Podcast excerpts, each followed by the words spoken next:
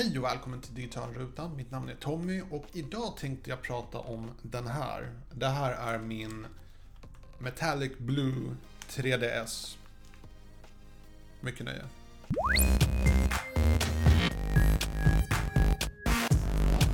Eh, så jag har haft den här i ungefär ett år. Ehm, jag är jättemycket för Nintendo-spel. Jag har en stor grej för Nintendo-spel. Eh, jag har inget emot andra konsoler och så. Men medan folk spelar Xbox och eh, Playstation så föredrar jag faktiskt lite mer den här.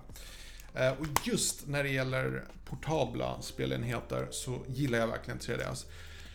Nu på sistone så är det ju faktiskt så att nu finns ju Nintendo Switch, vilket är så mycket bättre än den här. Men den här videon vill jag göra till om jag rekommenderar att köpa en 3DS idag och om det fortfarande är köpvärt.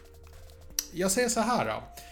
Um, jag gillar 3DS. Jag har alltid varit ett stort fan av um, de tidigare modellerna av allting från Gameboy till eh, uh, NDS, NDS Lite och så vidare. Nintendos portabla spelenheter har alltid haft en varm plats i mitt hjärta. Um, och just när det är 3DS så har den ju faktiskt en 3D-bild som är lite av en gimmick. Det blev inte lika häftigt som jag faktiskt personligen trodde att det skulle vara. Det är en sån där grej som, eh, det är okej okay att ha på, men jag kan lika gärna ha den avstängd. Nu har jag den personligen alltid på. Jag tycker det är fantastiskt roligt. Um, nu har jag en XL-variant och um, det är väl inte den högsta upplösningen jämfört med Switch till exempel som har en HD-upplösning. Det är definitivt inte HD på den här tyvärr. Um, jag skulle faktiskt rekommendera en 2DS som är väldigt billiga och säljs än idag och är fortfarande ytterst aktiva. Säljs det 2DS-spel och 3DS-spel um, ehm, väldigt marginellt. Jag, jag är inte helt hundra på om de fortfarande faktiskt uh, jag tror inte de säljs längre, men det släpps fortfarande då och då. Men det, vi, vi pratar om de absolut sista spelen.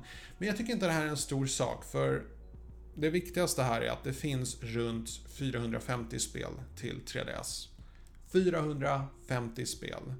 Det är inte många konsoler som har så pass många spel. Definitivt inte Switch. Sen eh, så kan du ju hitta lösningar till att spela äldre Nintendo-spel på den här också. Ehm, jag nämner ingenting mer om det. den där gränsen vad som är lagligt och inte lagligt, den kan man diskutera. Eh. Men jag, jag, vill inte ta upp det i just den här videon. Idag handlar det mest om rekommenderas en 3DS. Jag skulle inte rekommendera just 3DS som sagt. Jag skulle rekommendera en 2DS. Du kan fortfarande ha den med två skärmar och det blir billigare, det blir bara utan 3D. 3D är en gimmick, definitivt ingenting som jag skulle säga är köpvärt. Om du kan få en 2DS billigare, köp på 2DS.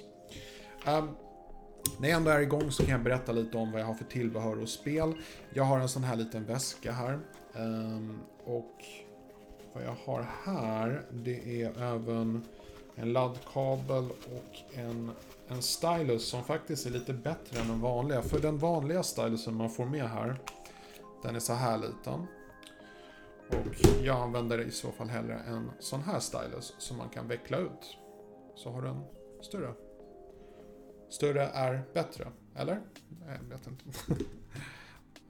um, vad gäller spel, vad har jag inne här? Jag har Super Mario Bros 2. New Super Mario Bros. Ursäkta. Jag har Mario Tennis. Jag har Splinter Cell 3D. Jag har Super Mario 3D Land, vilket jag verkligen tycker om jättemycket. Och det här är antagligen det bästa spelet som har gjorts till Nintendo 3DS. Och det är Zelda, uh, A Link Between Worlds. Eh, en slags nysläpp av ett väldigt gammalt spel, Link to the Past. Men de gör det på ett så pass charmigt sätt att jag verkligen, verkligen rekommenderar den här. Det är ett gulligt spel, men verkligen svårt och roligt. Och sen såklart måste man ha ett fighting-spel som Street Fighter. Och det är allt. Um, det kanske inte verkar så många spel, men det håller faktiskt mig väldigt sysselsatt. Just de spelen som jag visade här, de, eh, de har så pass mycket innehåll att för mig räcker det faktiskt. Men det känns skönt att veta att de ändå alltid har, att det finns um, runt 450 spel på marknaden. Det känns faktiskt väldigt tryggt. Så att jag kommer inte sälja den här den närmaste tiden. Jag kommer faktiskt använda den. Och ni kanske har märkt att jag har ett ytterskal här också.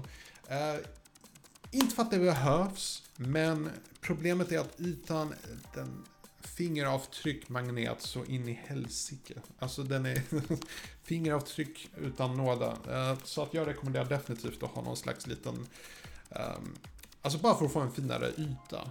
Så den här plastiga biten här, den har mindre fingeravtryck än den riktiga originalytan. Det är konstigt, men så är det. Uh, så det var allt jag hade för idag. Eh, om du har några frågor, kommentera gärna nere i kommentatorfältet och så passar jag på att önska dig en trevligt fortsatt dag. På återseende.